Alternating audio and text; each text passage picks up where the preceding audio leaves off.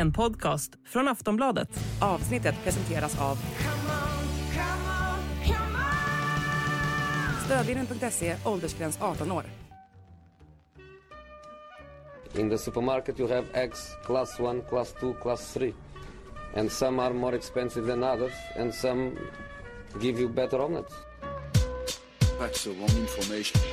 Wrong, wrong, wrong information. I didn't say that. That's the wrong information. Do you think I'm an idiot? Wrong, wrong, wrong information. Now look at me when I talk to you. Your job is to tell the truth. That's the wrong information. Sillypodden, sommaren är nästan slut Makoto, även att det är, det är hyfsat ljumma grader ute i, i luften. Men vi på något sätt rundar av sommaren här och nu tycker jag. Det är den 5 september, det har gått fyra dagar då sedan eh, deadline day i fredags. Vi satt där i tv-studion och fick följa Nottingham Forest värva. Eh, what's... Sju the- spelare va? The best of what's left, eller vad säger man? Ja. Eh, det kanske var en jättesmart taktik av dem, bara vänta på att vissa andra spelare då liksom eller vissa andra klubbar eh, inte gått för spelare som Sangaré till exempel och Vlacho Dimos till exempel. Ja, och, ja, men för det är det man ska komma ihåg. Alltså, vi pratade om Nottingham Forest och man blir lite, man ser inte skogen för alla trän på något sätt när de värvar sju stycken. Men det är ju inga dåliga värvningar de gör. Menar, de värvar, och vi bara tittar här, det är Benficas första målvakt. Ska- Det är en rätt in, en ny första målvakt. Sangaré, en sexa som Bayern München och Liverpool eh, och Crystal Palace liksom vad drog ju för att ersätta Palinja. Kliver Nottingham Forest in och bara nyper. Callum Hudson och Doy, det är inte en spelare de har köpt för att sätta på bänken. Eh, Divo- Divock Origi, absolut, han är nog en spelare de har köpt för att sätta på bänken, men det är fortfarande en ganska, det är en kille som har vunnit rätt mycket. Han har vunnit eh, Champions League och ehm, och allt det där och är en superprofil, inte minst i, i Premier League. Sen har du ju så här Nuno Tavares, alltså Arsenal-fans ska skra- skratta åt honom liksom för det han gjorde där, att han inte blev någon hit. Men i Marseille var han ju en succé. Ja. Det här är en spelare som går rakt in som vänster wingback. Nicolas Dominguez i Bologna, jättefin värvning tycker jag också. Eh, och Mobamidele får väl se om han ska gå in i den här trebackslinjen där bak eller vad tanken är med honom. Eh, så att ja, det, de har ju gjort väldigt mycket här sista på deadline day och alla sju spelare man värvat som man teoretiskt sett kan tänka sig går in i en startelva. Eh, Ja, absolut. de kunde inte hålla Så- sig lugna. De kunde inte hålla sig lugna. De hade skött det här fönstret så lugnt och sansat. De skulle bara finslipa de här 35 andra värvningarna de gjorde förra sommaren. Nej, nej men vi kan, det här är inte oss, känner de då. Det här är inte vi. Att hålla på så här. Vi måste bara tappa det. Då är de sju spelare. Var det nytt rekord sa du psykar innan? Det var nytt Premier League-rekord för deadline days-värvningar. Antagligen med rätt bred marginal också. Jag vet inte om rekordet var typ tre innan. Vad in... blir liksom sammanlagda notan på det här tänkte jag på nu plötsligt. Om man räknar lite då. Om Mobamidele kostar ungefär ja, drygt 200, Sangaré kostar ju närmare 300, då är vi på 500. Vlacho Dimos för en hundring, det är 600. Eh, Callum Hudson och Doy var ju betydligt mycket billigare. Dominguez för 150. Okej, det är väl inte så farligt. Att säga att de hamnar på typ 800-900 snabbt räknat då. Miljoner. Ja.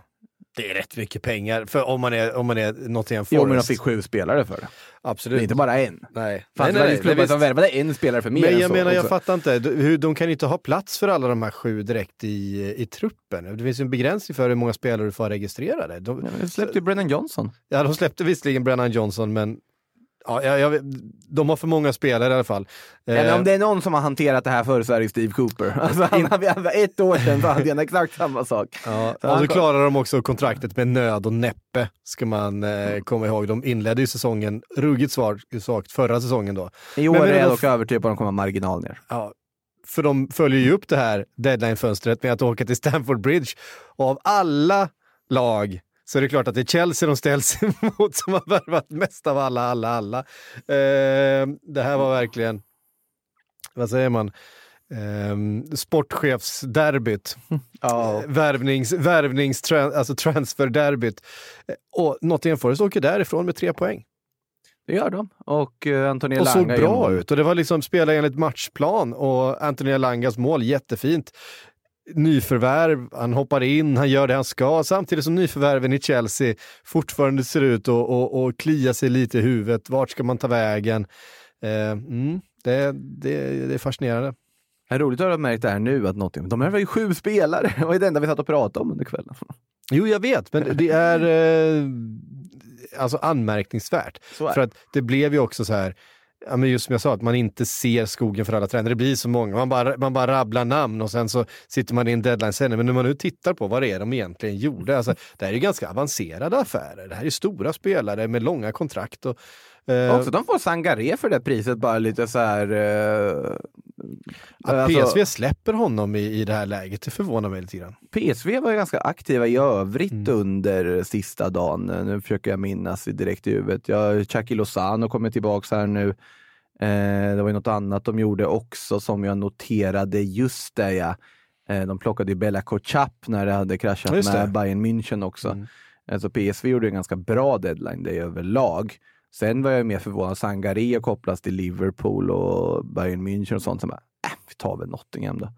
Eh, Men det är ju den är vardag också- vi är i idag. Ja, men det är också sådär att ja, man kopplas med, men hur, hur intresserade var egentligen Bayern München? Hur intresserade var egentligen Liverpool? Det är ju det som Om är de hade varit fråga. så intresserade. Det är ju samma sak som med många av de här namnen. De nämns och så tänker man att ja, klubbarna är där och jobbar och försöker men de lyckas inte. Spelarna säger Alltså ofta är det ju så att klubbarna jobbar men ehm, det har ju också kommit fram uppgifter runt eh, Romeo Lavia. Eh, att för Liverpools del så var det ju det som ändrade deras situation just eh, runt Romeo Lavia och det var ju, hängde inte ihop med Moises Caicedo överhuvudtaget. Eh, det var ju att man fick indikationer från, eh, från Bayern München att Ryan Gravenberg skulle gå att lösa och det var spelaren de hade jobbat på sen i mars. Eh, Bayern München sa nej, vi kommer nog inte sälja, vi kommer nog inte sälja. Eh, om vi får in en bra ersättare, ja, vi kanske kan tänka oss att sälja. Gravenbergs var nog tydlig i sina samtal med Thomas Tuchel att alltså, jag vill spela fotboll. Om du inte har tänkt spela med på fotboll, då kommer jag liksom verkligen vilja dra. Och då, då kände de att, ah, men okej, vi kan nog få in någonting. Vi ringer till Liverpool och säger, jo, men vi kan nog lösa det här ändå. Vi tror att vi kommer få in någonting. Sen att Bayern München sätter sig i den situationen att de faktiskt inte får in någonting. Att, att den här Palinja, för det var ju det stora dramat på deadline day, att Palinja sen inte liksom blir klar, utan att Fulham då inte lyckas få in en Sangaré Mm. till exempel, eh, som ersättare till Palinja. Då, eh, eller Scott McTominay för den delen, det pratades det också om. Det Sen- undrar man också i och för sig nu när Sangaré nu hamnar i Forest.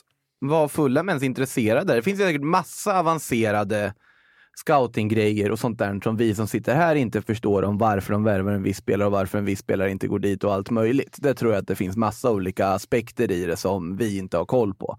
Men är det. eh, det är ändå fascinerande med tanke på att Sangaré uppenbarligen var öppen för en klubb i den storleken. Mm.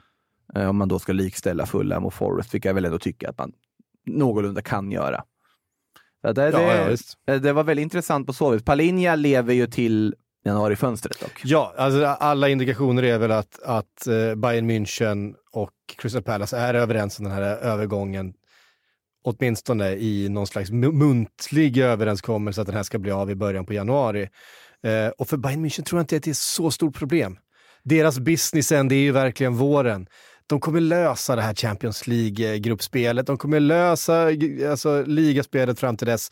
Det är ju i januari som det börjar, februari när det börjar bli åttondels kvartsfinaler i Champions League. Eh, det börjar, spelarna börjar bli trötta. Man har eh, kanske, så har de afrikanska spelare i laget? Vad har de för, det är ju afrikanska Mästerskapen, men det är väl Bayern är väl ganska Bayern är- förskonade från ja, det. Det är de- väl Choupo-Moting i sånt fall då. ja, precis. Honom kan man, det blir svårt att klara sig utan. Mm. Eh, nej, men sådär, så det är ju främst efter, så jag tror att när man nu inte kunde lösa det så var det nog den bästa lösningen för klubbarna. Nu har Fulham den här hösten på sig att identifiera en ersättare. Man vet att man kommer få rätt bra betalt för Palinja. Ehm, Sen är det också så här, Bayern kommer ju inte gå till förhandlingsbordet och säga nu vill vi ha Palinja och tycka att samma prislapp ska gälla. Då kommer Nej, de och jag- sänka den och Ja. då, det är den förhandlingen som kommer ta lite tag också tror jag. ja, och det, det kommer den kanske göra, men jag tror att Crystal Palace kan vara okej med det. Fulham kan vara okej ja, med det. jag menar Fulham. Eh, just av den anledningen för att, jag menar, de har i praktiken skickat Palinja till Bayern München en gång. Då gjort, han gjorde sin läkarundersökning. De har fått en ganska besviken brasilianare eh, tillbaks hem till, eh, till Craven Cottage. Eh, men nu får de det här halvåret, om de ska få ut det mesta av honom, om han ska känna att det här, det här, här är det kul att vara, här är det kul att spela fotboll fram till januari, då måste han ju ha eh, eyes on the prize i januari att få, att få lämna för Bayern München och få den här möjligheten att spela Champions League-fotboll och spela på den allra högsta nivån som vi ju tror och antagligen han själv också att han kan och där han hör hemma på något sätt. Um, det går nog att lösa. Bayern München behöver den här sexan. Palinja är ett av de absolut bästa alternativen som finns på marknaden, eh, skulle jag vilja hävda, tillgängliga för, för Bayern München. Det är svårt att hitta så många, så många bättre alternativ för dem. De verkar inte avskräckas av hans ålder. Han är bara 28, men menar, han, han, Han håller ganska många år till. han, han kommer hålla eh, ett par år till. Eh, säkert mer än så. Mm. Han är i sin prime, han kommer vara i sin prime de närmsta säsongerna. Det tror jag är allt de, allt de behöver Ja. i, i Bayern München just nu. Jag tror de löser den i januari. Dessutom så tror jag att hela den här historien har varit ganska pinsam för Bayern München. Man, det här är inte deras självbild, det är inte så här man ser sig själv. Jag tror att de tycker att det blev lite pinsamt i, i slutändan. Det tror jag är uppe, det var nog arga röster som höjdes i det där styrelserummet efter det som hände under deadline. Det är det helt För övertygad det om. finns en ganska grandios självbild i, inom Bayern München. Som ska finnas Ja, och som så- de De lever är- på, som både är en förbannelse och välsignelse Ja, på nej, en gång. Ja, men det är ju sådär. De, vi, vi är en av de absolut största fotbollsklubbarna i världen. Vi ska vara det på alla sätt vi agerar. Det ska synas på planen, det ska synas utanför planen. Eh, och då kan man inte hamna i den här situationen att vi släpper en spelare men inte får in en ersättare på deadline day, för att det är sånt som händer andra. Det händer inte i den här klubben. Det, Så är det. det är så man resonerar. Och så är det ju normalt sett. Det här Mm. är ju extremt olikt Bayern München. Och precis som Kevin har varit inne på när vi har pratat om det här, så är det ju Harry Kane-soppan och Daniel Levys krå- krångliga förhandlingar som har ställt till det för Bayern München. De har fått lägga all sin kraft där och det, det, det gjorde att allting hamnade lite ur fas och lite ur spel. Det är Levis fel att Palinja fick lämna utan Det är Levys fel alltihop, det vet vi ju. Ehm, men ja, det var i alla fall en fascinerande historia att följa i, i eh, fredags. Eh, vi har ett par eftersläntrare, en, eh, en viss Sergio Ramos på free transfer till Sevilla. Jag vet att du gillar den här. Ja, självklart gör jag det. För att eh, först kom det uppgifter om att han var så gott som klar som för Al Ittihad och skulle eh, joina Karim Benzema där. Det var bara pappren skulle skrivas på och Ramos skulle ge grönt ljus. Men sen var det väl någon form av eh, moralisk grej som slog in hos Sergio Ramos. Och inte nödvändigtvis på att han inte ville gå till just Saudiarabien. Det ska poängteras, det är ingen sån statement han gör här. Utan det var väl som han uttryckte det själv när han landade då i Sevilla först då innan han skulle presenteras och skriva på kontrakt och allt att jag har alltid haft en skuld till min farfar, till min pappa, till Sevilla, till Antonio Puerta, alltså den gamla liksom, lagkamraten och spelaren som tragiskt gick bort för x antal år sedan. Eh, som mycket och allt, alla titlar Sevilla har tagit till Europa och sånt har tillägnats honom och som till exempel Jesus Navas var väldigt nära vän med och alltid och alltid är kvar med Sevilla. Och Ramos var ju en del av den här gänget som växte upp och liksom kom upp ur egna leden på den tiden. Ramos valde en annan väg än vad Jesus Navas gjorde. Ramos valde när han... Det är lite olika mentalitet på de två. Ja, så här, Ramos, det som hände då 2005 var ju att Ramos ville ha någon form av klausul där han alltid skulle vara bäst betald i klubben och så vidare. Och han skulle års kontrakt och vara kvar och sa klubben att vi ger inte... Kom- Ingen är större än klubben Nej, på men det framförallt sättet. sa de att det kommer aldrig vara en egen produkt som ska vara bäst betald i klubben. Och det gick ju inte riktigt hem och det kan man ju argumentera om det ska vara så. Men Ramos tog väldigt då överraskande, accepterade ett bud från Real Madrid och gick dit och det gick ju inte väl hem hos Sevilla-fansen. Eh, framförallt inte de mest liksom hardcore Sevilla-fansen. Och han har ju haft en ganska problematisk relation med Sevilla sedan han lämnade. Eh, det var ju bland annat några så här, vad heter det, någon hets med uh, ultrasgrupperna där de hetsade mot honom i samband med någon match som också varit, han har inte varit liksom, det har inte varit friktionsfritt. Uh, med det sagt så har han ju alltid haft Sevilla i hjärtat. Och nu när den här, det här läget dök upp att han skulle få tillbaka på ett års kontrakt så tog han den. Och i presentationsvideon han gör så är det bara han som sitter framför en kamera och till att börja med ber om ursäkt för de gånger han har hetsat mot klubben och så vidare och för de som har tagit illa vid sig av det. Eh, det är väldigt fint att se honom återvända dit och det är ganska sanslöst att se honom återvända till klubben 18 år efter att han lämnade den. Och redan då så var han ju liksom etablerad. Då var han i och för sig en helt oslipad tonårig försvarare som tog röda kort i varannan match. Det går att argumentera för hur mycket han har mognat sedan dess också i och för sig på planen. Men det är ju en, eh, inte bara en mer vältatuerad man de får tillbaka, utan det är ju en mittback som har upplevt allt, kan allt och fortfarande håller en extremt hög nivå. Så det ska bli jättekul att se honom i Sevilla igen. Och han lär få ett väldigt varmt mottagande på Santiago Bernabéu när de två lagen ska mötas. Det är en sak som är säker. Mm. Ehm, en story som ju såklart eh, har hängt med under de senaste veckorna, hängde med under deadline day. Det handlar om Sala Eh, och hans då eh, eventuella framtida flytt till eh, all... Ja, det är ju faktiskt inte en klubb som budar på honom, utan det är ligan självt. Men det är Al Ittihad det Det, handlar det, om. det, Al Ittihad handlar om där han ska spela, men det är inte Al Hit- Ittihad som har varit där och förhandlat. Det är inte, utan det är representanter för ligan. Det är inte Nuno som har pekat på honom och sagt att det här är nyckeln jag behöver för att vinna klubblags-VM. och det, det har inte varit klubbrepresentanter överhuvudtaget inblandade i, i de här buden, utan det har varit ligan självt. Eh, därför att man ser honom som det stora affischnamnet för hela ligan. Och det är ju inte så konstigt. Alltså, det förstår vi ju att, att den mest eftertraktade spelaren för den saudiska, det saudiska liksom, proffsbygget här är Mohamed Salah. Eh, det, det, det råder ju ingen liksom, tvekan eller hemlighet runt. Eh, Liverpool har sagt nej hela tiden. Och man gör ju såklart det här med vetskapen om att det finns två år och inte ett år kvar på det här kontraktet. Och vetskapen att det finns mer pengar att hämta. Det finns, det finns mer pengar att hämta. Eh, Mohamed Salah själv har eh, hela tiden sagt att han trivs bra i Liverpool. Han har inget, eh, ingen brådska att flytta på sig. Han ska ju ha sagt till lagkamraterna också att han trivs bra. Han ska spela vidare. Han är peppad på Liverpool. Soboslaj råkade väl försäga sig lite grann i intervjun här efter. Eh, det är också lite så här, man är väl kanske i Bundesliga lite mer van att vara lite ärligare, lite mer öppen om sådana här saker i intervjuer än, än vad man är van vid i, eh, I England, i, i. Premier League där det är liksom locket på allt hela tiden. Eh, och det går aldrig att riktigt uttyda vad någon säger och alla tränare bara ljuger fram och tillbaka. Så, Nej, men då får man gå ut på sociala medier och lägga ett meddelande alla Jadon Sancho istället. Då, då, det var tydligt. Det vad var han tydligt. tyckte. Ja, eh, men exakt. Eh, nej, men han menar på att ja, det är klart att vi spelare pratar med varandra och han har förklarat för oss att han ska stanna och att han mår bra liksom, och, och, och trivs här. Visst, ja men i det här läget så tror jag det är så. Det finns, inte en, det finns inte en planerad övergång här och nu. Med det sagt så behöver inte det betyda att Saudi har gett upp. För det har de inte. Nej. Eh, eller, eller att de har, nej, åh, det blev ingen Salah, det var ju tråkigt. Det här är inte folk som tar ett nej på det sättet. Eh, de, de, de hämtar mer pengar, eh, vilket är de kommer göra. När de tycker det är värt att göra det. I det här fallet tycker de det och de vill ju testa Liverpool. De vill Ja. testa vart gränsen går. Ja. Och uppgiften är väl att det är ett 3 miljarders bud. På något sätt de förberett väl. Alltså det är ett bud som skulle göra honom till dyraste fotbollsspelaren genom tiderna. Som förbereds eh, och det har kommit uppgifter om att det, det är på, på bordet. Ja.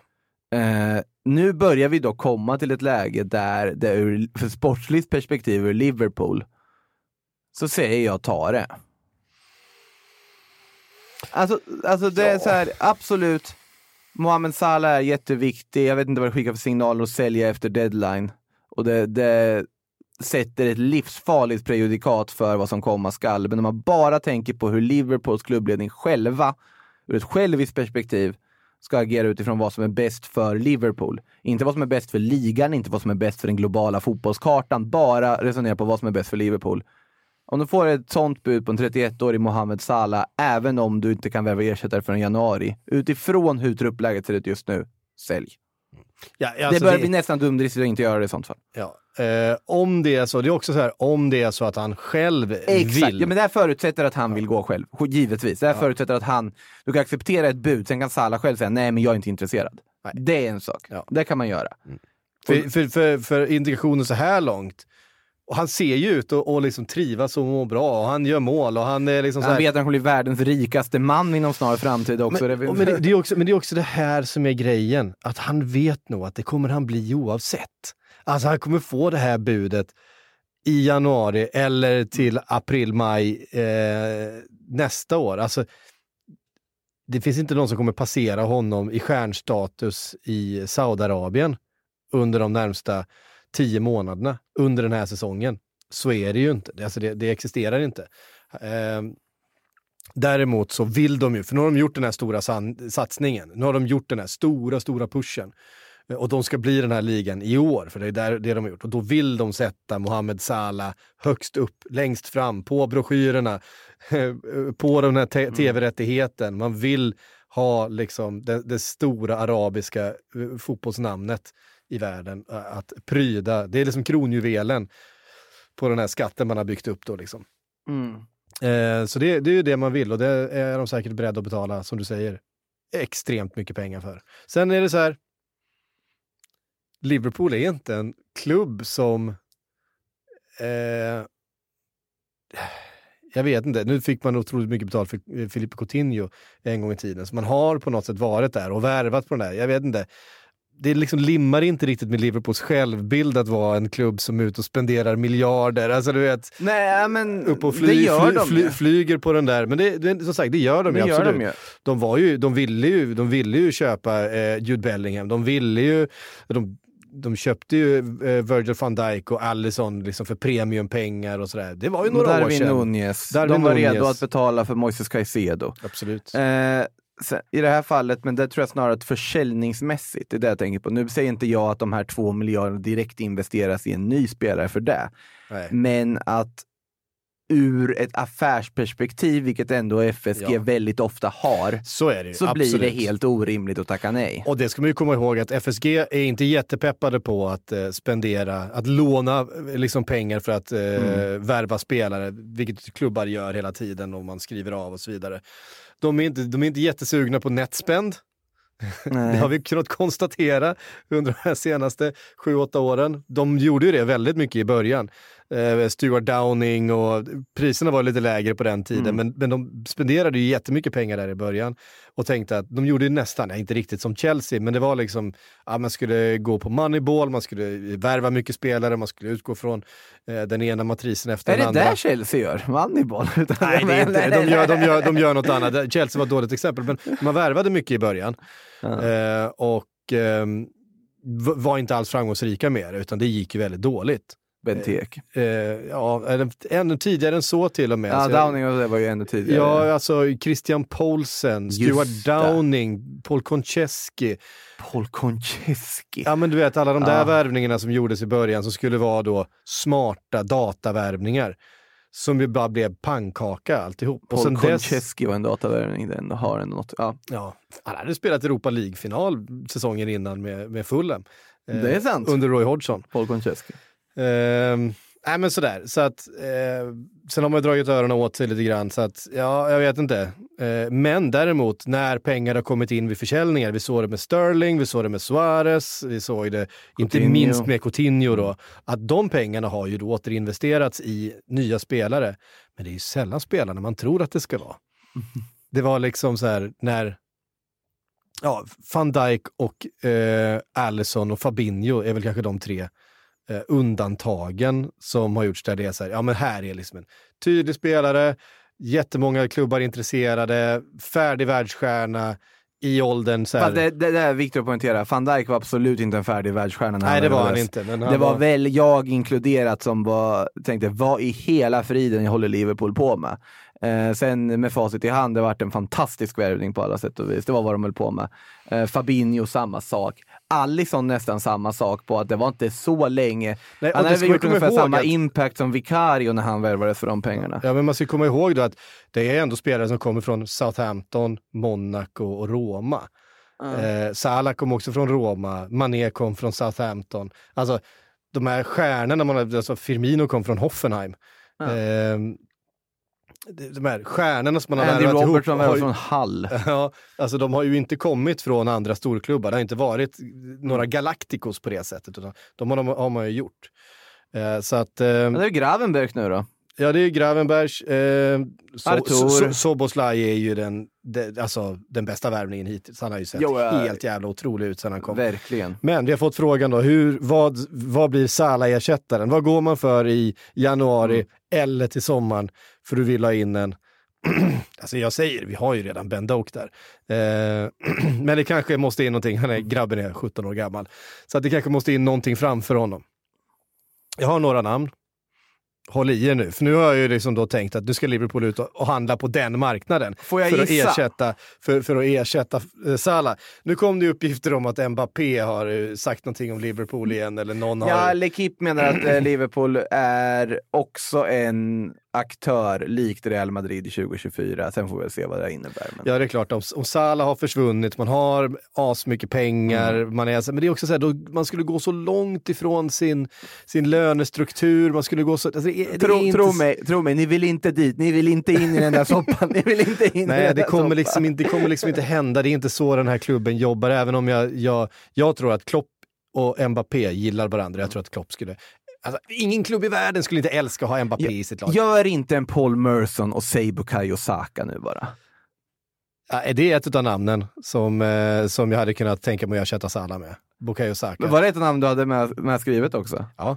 Ja, men det, är nu är du ju en Paul Merson, så vad håller du på med? Nej men alltså, jag säger inte att det här är troligt. Alltså, Arsenal kommer aldrig släppa eh, Nej, Bukayo nej, men, Saka. nej, men Paul, Paul Merson var ute och sa det att ja, just sell Salah for 200 and then buy Bukayo Saka for 150. Det hade varit bra liksom. Ja, nej. Men, men jag, nu, nu, nu tänker jag på spelare som skulle kunna komma in och vara eh, jätte, jättebra. Jag, jag, jag, tittar, jag tittar på de bästa spelarna, alltså så här, like for like. Alltså, nu tittar jag på de bästa spelarna på den positionen i världen. Det här, det här är basically Patrik Syks lista på världens bästa yttrar. Ja, men lite så. Fast egentligen det namnet som jag är mest intresserad av. Rodrigo. Det finns inte. Ja, Rodrigo hade absolut kunnat fungera i den rollen. Ja, det hade han kunnat göra. Han Men hade inte- han- helt så... Alltså det, Han hade inte varit jättedålig där. han men ska vi, ska vi istället försöka slänga upp namn som är någorlunda realistiska men ändå har star powern då? Ja, det kan vi väl göra. Kvitja Kvaratskhelia. Absolut. Eh, sen så huserar väl han främst på Det vänsterkanten. gör han. Men... Eh, och vänster, vänsterspringare finns det. För jag Ja, men skulle kunna flytt- säga Rafa Leao också. Liksom, Ja, skulle men kunna flytta en, Diaz då. Ja, men flytta över Diaz på andra kanten Ja. eller, ehm, eller sådär. Eller ja. använd Darwin till höger och värva en centerforward. ja, kanske. Ben Doak. Eh, nej, men vi, vi, alltså, vi har ganska många som kan spe, spela till vänster där, för annars hade Rafa Leao definitivt varit en spelare på, mitt, på min rad. Om vi tänker straight up. Okej. Uh, Rafinha från Barca. Kanske. Eh, han är ju... Det är absolut inte den star powern, men som Nej. är realistiskt att faktiskt Liverpool skulle kunna lösa. Ja, jo det, det tror jag att de skulle, skulle kunna göra i sådana fall. Men det som vi vet ju alla att det kommer bli något helt annat. Eh, det, det, de jobbar ju inte riktigt så. Utan det, sk- det skulle Jared kunna Bowen. bli typ Jared Bowen. Eh, vilket jag inte hade trott. Alltså som spelare så är han ju, av dem vi har pratat om, nästan den som är inte mest lik Salah, men han har mycket av de här. Han är ju såklart inte alls på den nivån. Mm. Samtidigt så är det en spelare som hade kunnat göra spelare runt omkring väldigt mycket bättre. Han sliter och springer och allt det där som Lyssna på det här. Mm. Takifusa Kubo. Alltså, nu, nu är det du som dagdrömmer. nej, men, nej, men, nej, men tänk lite nu. Alltså, han har ju verkligen liksom lyft i Real Sociedad. Han utgår ju, kan utgå från höger väldigt lätt. Eh, inte helt otänkbart. Nej, helt jag vet inte. otänkbart. Vi får se, vi får se vad som händer där. Nej, Eh, Ebbe Bukayo så gör, gör en Paul Merson här innan liksom, Ja, ja, uppehållet. Det här är otroligt. nej, jag älskar, jag älskar Bukayo Saka. Jag älskar Paul Merson tror jag skulle säga. Nej, det, det är jag fan inte. Vi, eh, vi lämnar ändå. Vi vet väl inte riktigt vad som, eh, vad som händer såklart med Mohamed Salah. Att han spelar i Al Ittihad förr eller senare, det kan vi väl, Det, det tror det jag kan vi väl vara rätt så säkra Och det på. lär nog vara just Al Ittihad och inte de andra tre, gissar jag. Men det... Ja, Wijnaldum har ju gått till, flyttat dit, på tal om gamla Liverpool-spelare i Saudiarabien. Han var ju väldigt glad att få återförenas med Henderson och Steven Gerrard läste jag. Presenterade i Al Ettifaq. Henderson har haft en, eh, eh, några svaga dagar här. Eh, han i- Du ger uttalade inte mycket sig... för intervjun med The Athletic, låter det som. Nej, jag gör verkligen inte det. Eh, framförallt, ni kan läsa Daniel Storys eh, nedplockning utav hans argument för att gå till, till eh, Saudiarabien här i, i eh, ja, men det, om ni går in, Story, Daniel Story heter han, eh, fotbollsjournalist.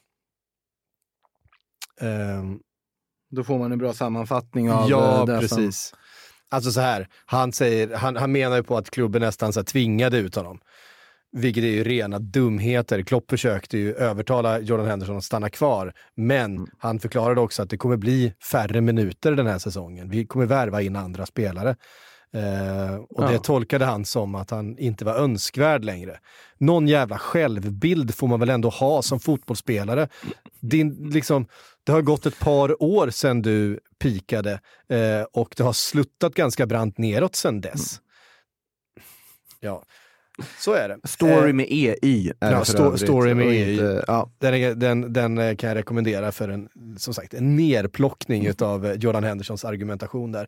Jordan Henderson la ju också upp en sån här Eh, väldigt tydligt, eh, ja men du vet, sociala, härligt med tre poäng efter match i helgen. Så då var det ju då både på arabiska och på engelska. Och på engelska stod det så här, ja mot nya segrar och så här, tre poäng och, och härligt med och då översatte man det arabiska så stod det eh, i det ärade landet Saudiarabien så eh, du vet, alltså ja, men där kan i och för sig också vara att han är dum nog och bara kan ni översätta det här till Saudiarabien? Det, det arabiska, givetvis. Nej, men det är ju för att han, han har ju helt och hållet överlämnat såklart sina, sina sociala medier i händerna åt andra.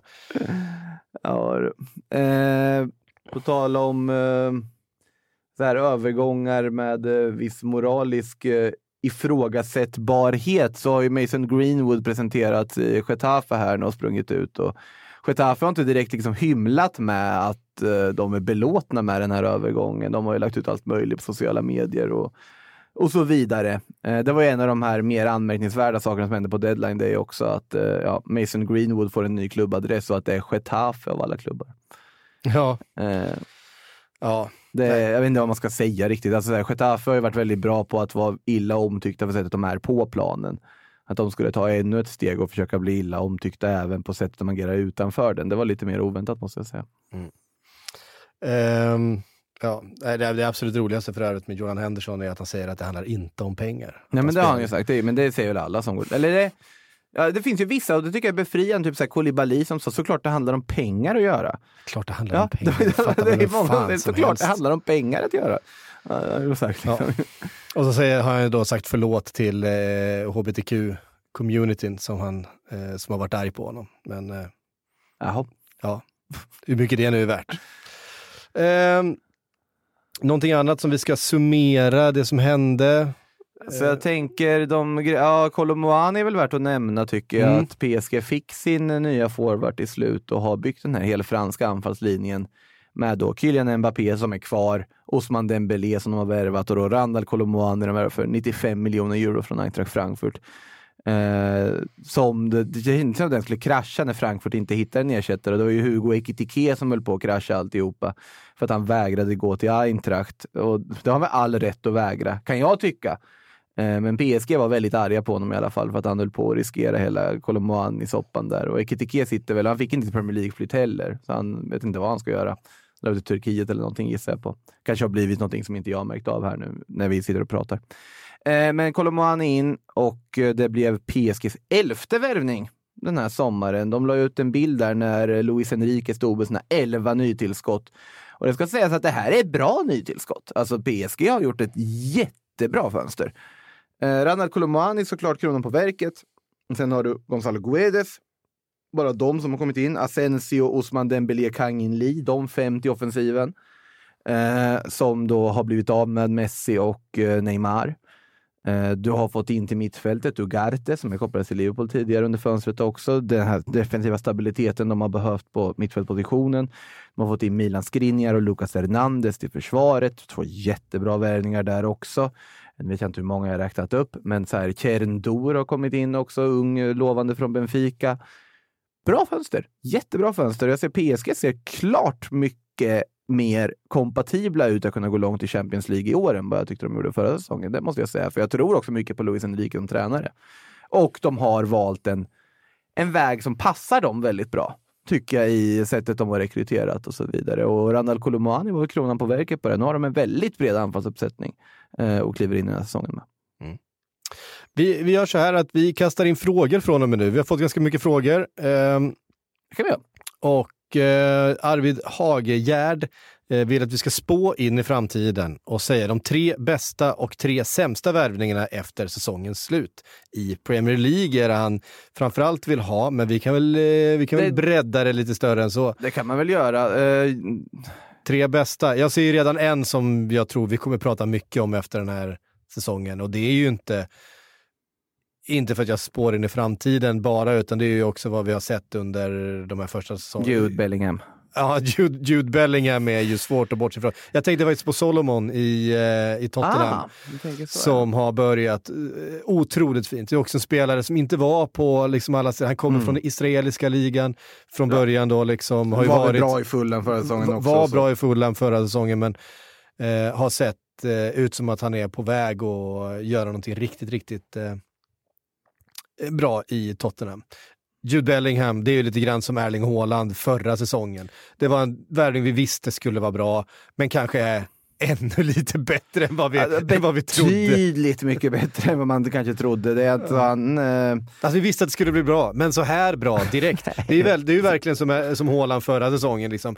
Vi visste att han skulle göra mycket mål, men att han skulle ha gjort 70 mål före liksom, eh, första landslagsuppehållet. Alltså, det var, lite den känslan har man med Bellingham nu också. Jude Bellingham var ändå frågan, var ska han gå in i startelvan? Det var ju där lite som var tanken Frå- från nu början. frågan, vart ska någon annan in i startelvan eftersom Jude Bellingham tar alla positioner? Det är- helt makalöst. Så kan vi sp- spela med bara Jude Bellingham och Eduardo Camavinga snart. Mm. Eh, nej, men han eh, tror jag ju...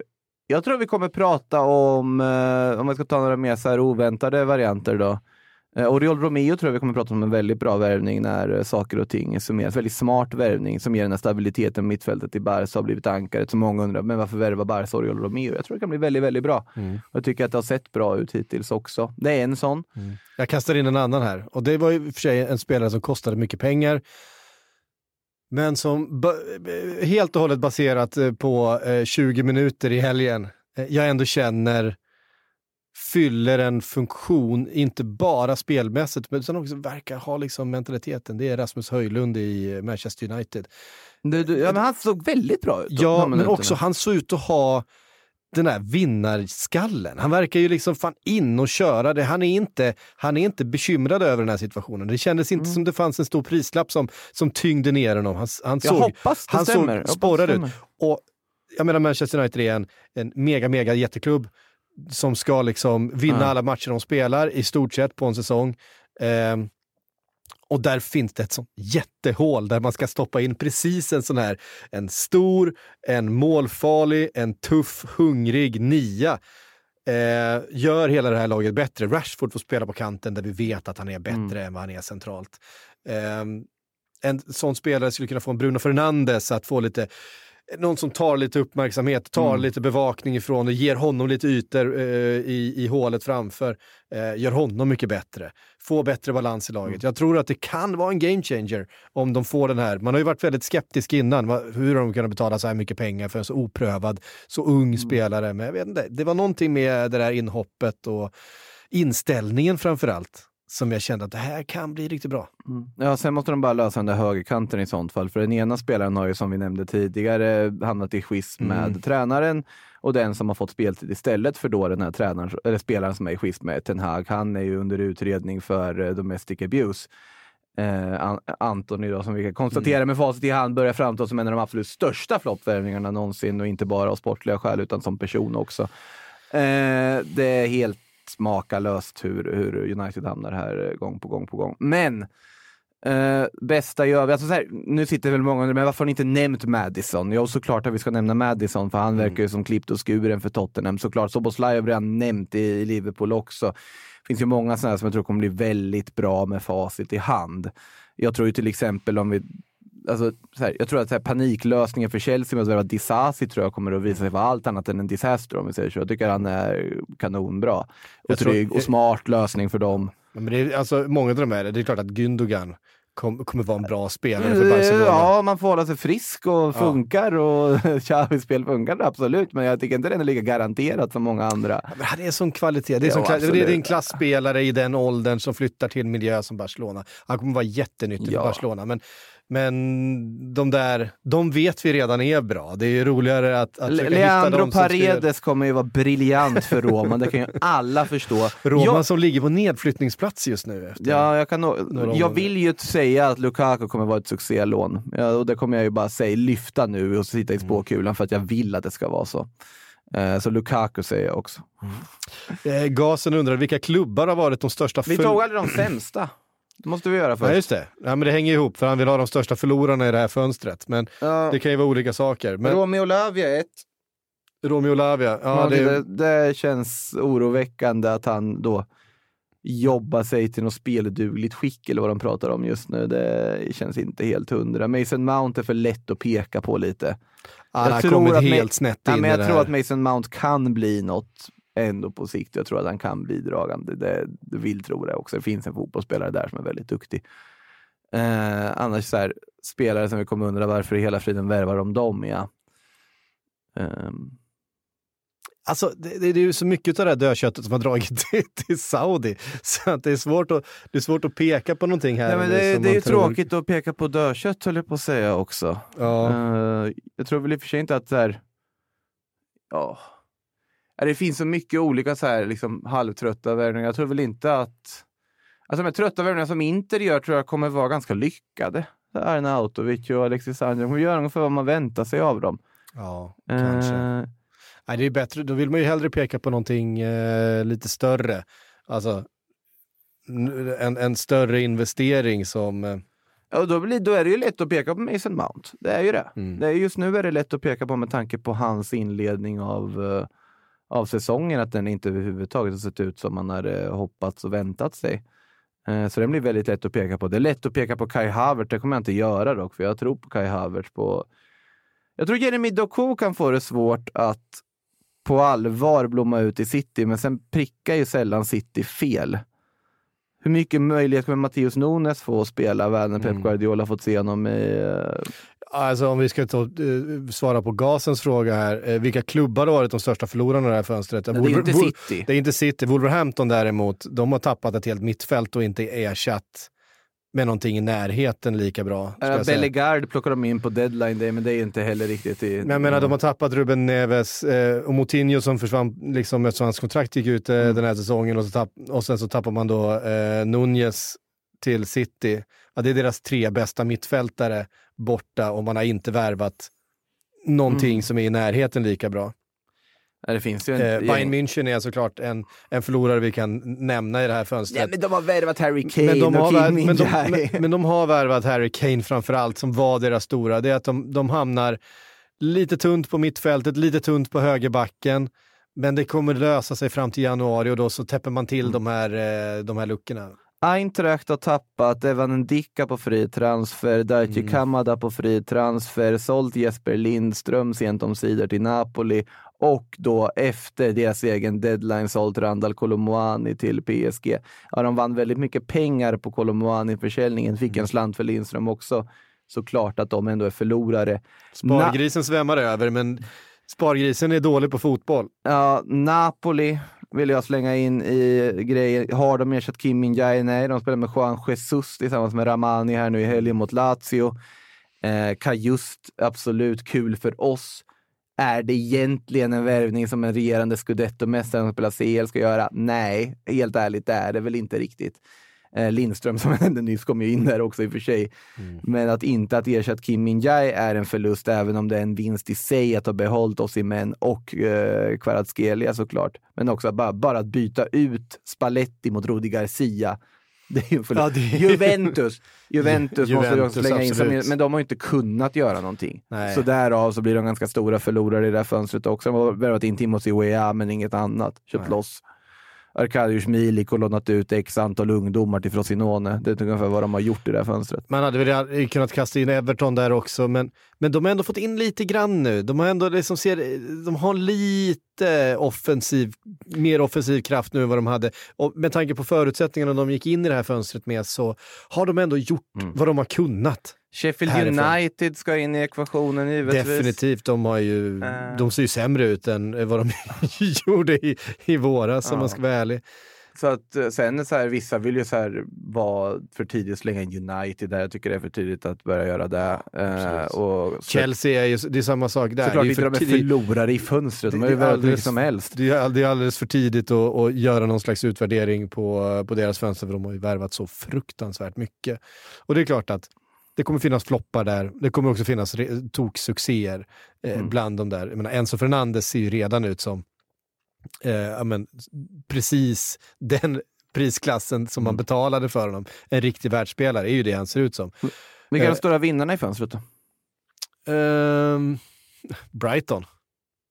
Men det, då, återigen, din pengasäck kan ju inte spela fotboll. Men de har, ju också, de har ju också fått in spelare. De har ju också värvat smart. Jo, ja, ja, men vad kan vi egentligen om Baleba? Nej, det, Alltså, jag bara, det är jag bara, bara jag bara, att man, bara, man, man antar och litar på jo, att det jo, men de har också tappat Moises Caicedo, de har tappat Alexis McAllister, ja, det är för sig där. Ja, Robert Sanchez var ju inte spelare ändå inte.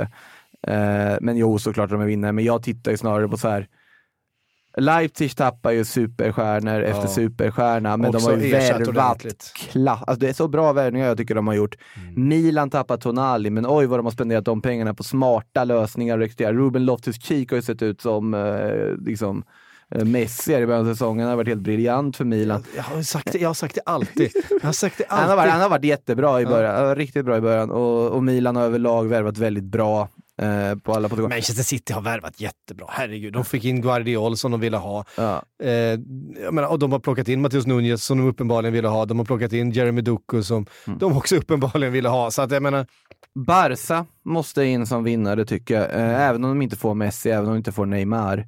De har alltså värvat Gündogan, Inigo Martinez, eh, Joao Felix, Joao Joao Cancelo, Oriol Romeo och Vit- Vitor Roque var, ju, räknas inte in, det är en framtida investering skulle jag säga. Men de värvar alla de här spelarna och spenderar knappt en krona på det. Alltså de, de får alltså Joao Felix och Cancelo på lån utan någon form av hyravgift sista dagen på fönstret. De får in båda Joao på ett bräde eh, som de kan presentera på, på deadline day. De får Gündogan gratis, de får eh, Inigo gratis.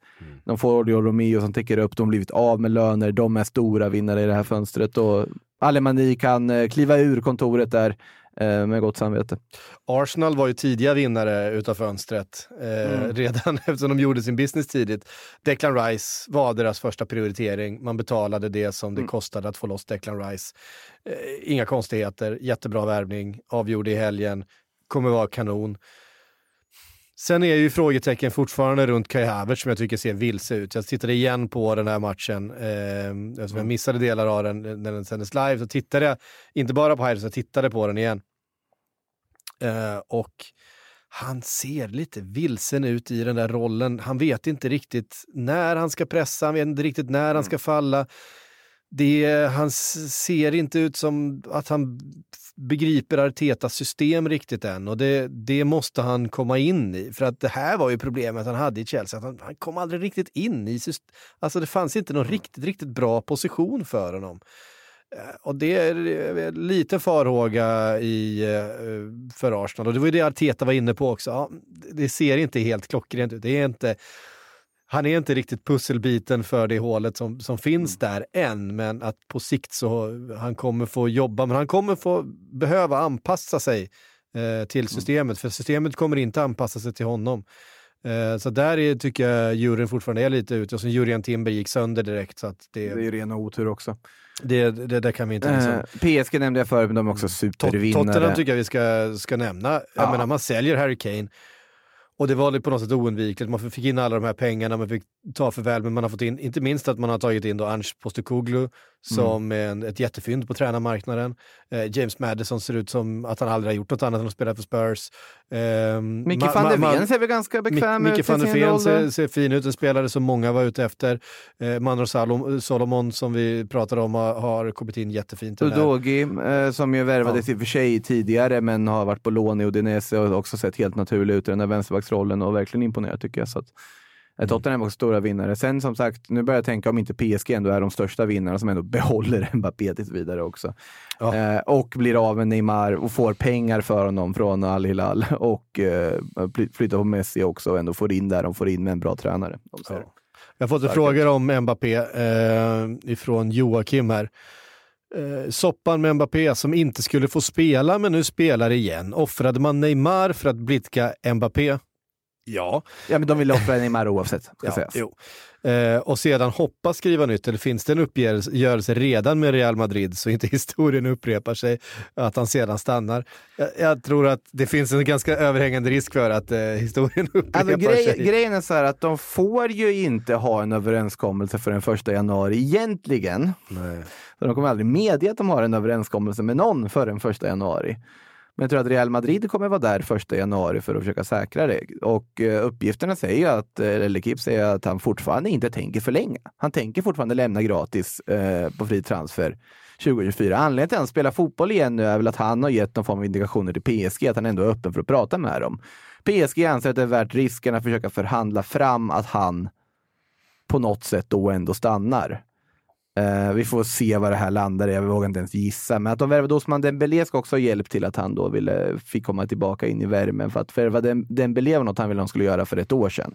Sälja Neymar var något han ville att de skulle göra för ett år sedan. Ja, vi pratar faktiskt om saker som Kylian Mbappé, sportchefen, då har liksom bett om ska hända som inte händer. Och nu har han fått igenom mycket av det där och då vill han väl spela fotboll igen också. Barryton undrar varför hela tiden pika Chelsea med att säga att de säljer akademispelare. Det stämmer ju, men säg en annan klubb med en eh, världsklassakademi som inte säljer massor av akademispelare. City gör, Barca gör, Benfica gör. Eh, dessutom spelar Chelsea också egna produkter till skillnad från. Eh, ja, alltså grejen med Chelsea som gör att det blir så iögonfallande är att man man säljer till exempel en Mason Mount man, och, och, och värvar in en like for like-spelare utifrån istället för att fortsätta med akademispelaren därför att man vet att det ger bättre eh, bokföring. Det är ett, Ja. det är ett sätt att eh, att lösa bokföringen på. Vi säger, jag, jag påstår inte att, att andra klubbar inte gör samma sak, givetvis är det så. Eh, Chelsea har ju framförallt varit de som varit tidigast och absolut bäst på att bygga den här väldigt framgångsrika akademin.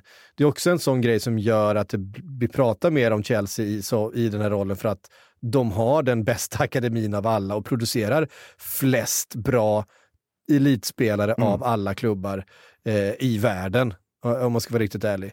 Eh, nu. Barcelona brukade vara den klubben. Real Madrid brukade vara den klubben. Det är faktiskt Chelsea nu som producerar flest spelare till de klubbarna i, i topp 5-ligor. Eh, så att eh, det är ju därför det, är också, det blir lite i ögonfallande när man vill sälja, eh, vad heter han, Matheisen? Eh, Matsen. Ma- Matsen. Som ändå fick spela lite här mot Nottingham Ja. och komma in. Han vägrade ju gå till Burnley själv. Han, han vägrade gå, men de försökte sälja honom på en position där man, där, mm, av de här anledningarna. Så att, eh, men som sagt, det är absolut inte bara Chelsea som gör det, men de har gjort, satt, alltså hela Chelseas business, allt som rör Chelseas business är ju intressant för att de gör det på ett, på ett nytt och annat sätt och med, en, med lite andra metoder. Jag tror snarare att det är just att det är väl inte de säljer akademispelare, det är ju akademispelare som är i A-laget de säljer. Det är väl snarare det som får en att reagera. Alltså många klubbar har ju sina akademier på ett sätt att bara generera Absolut, om intäkt. man, om, man, om man säljer klubbar till, till eh, ja, men, Eh, ja men ibland till eh, li, lag längre ner i ligan, men framförallt kanske i, till lag i, eh, i andra ligan eller till andra länder, till lite sämre ligor och sådär. Jag menar, Och det där går mycket i perioder skulle jag säga också för klubbar beroende på hur bra ställt de har det med värvningar och så vidare. Eh, titta på Real Madrid nu, hur stort är det nålsögat för att ta sig upp från akademin utan då att gå via att göra det i en annan klubb på vägen till A-laget Real Madrid. Det, det nålsögat finns ju knappt just nu. Det är liksom helt stängt. Det kommer vissa som får vara med i någon matchtrupp här och var, men att slå sig in i ett A-lagssammanhang. Alltså, Jag, jag tänker på en spelare som Antonio Blanco till exempel som kom upp och gjorde det jättebra i en sorts defensiv mittfältsroll och fick jättemycket förtroende. Han spelar i Alaves idag. Han, plötsligt bara för, var han inte ens med i planerna. Samma sak med en spelare som liksom Marcos Llorente som kom upp och gjorde det jättebra. Han såldes till Atletico Madrid. Vissa klubbar har en, liksom, använder ju sin kantera eller liksom, ungdomsverksamhet för ett sätt att bara generera intäkt för att värva andra. Kan man tycka man vill om. Eh, medan det är lättare att ta sig upp från ungdomsakademin för att det finns en tydlig väg därifrån, som till exempel Barca nu för tiden med Lamine Jamal som ändå får möjlighet. Men det, frågan är, hade Lamine Jamal fått möjlighet i Barcelona som hade mått bra ekonomiskt? Det vet inte jag. Då hade de kanske värvat någon till den positionen och liksom inte haft samma tydliga väg in. Eh, så det där beror på mycket hur bra ställt en klubb har. Det tror jag säger hur stor chans en egen produkt har att slå igenom. Sen kan jag hålla med om att det är problematiskt att Chelsea säljer iväg så mycket akademispelare. Det är problematiskt att till exempel Real Madrid gör det. Det är problematiskt att eh, andra klubbar gör det. För att det finns regler som också genererar att du ska ha ett visst antal eh, alltså homegrown-spelare i truppen.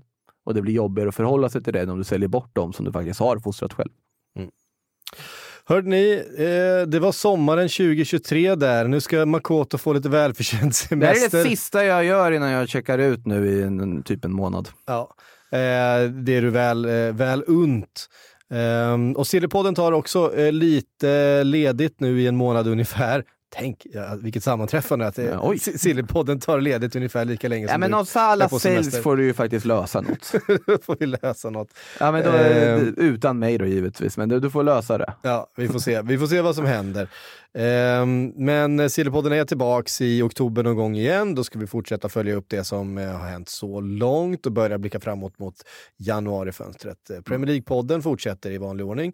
Eh, vi är tillbaka på måndag igen. Då blir det jag och Frida som får eh, hålla låda och se vad vi hittar på. Då. Det är ju landslagsuppehåll dessutom. Det löser ni säkert Eh, men det galant. blir, något, det blir något mysigt det också. Men härifrån Sillypodden så säger vi glad höst. Glad midsommar. Glad, God jul! Go- God jul säger vi. Nej, vi är tillbaka före jul. Det är vi absolut. Eh, men vi säger i alla fall på återhörande. Du har lyssnat på en podcast från Aftonbladet. Ansvarig utgivare är Lena K Samuelsson.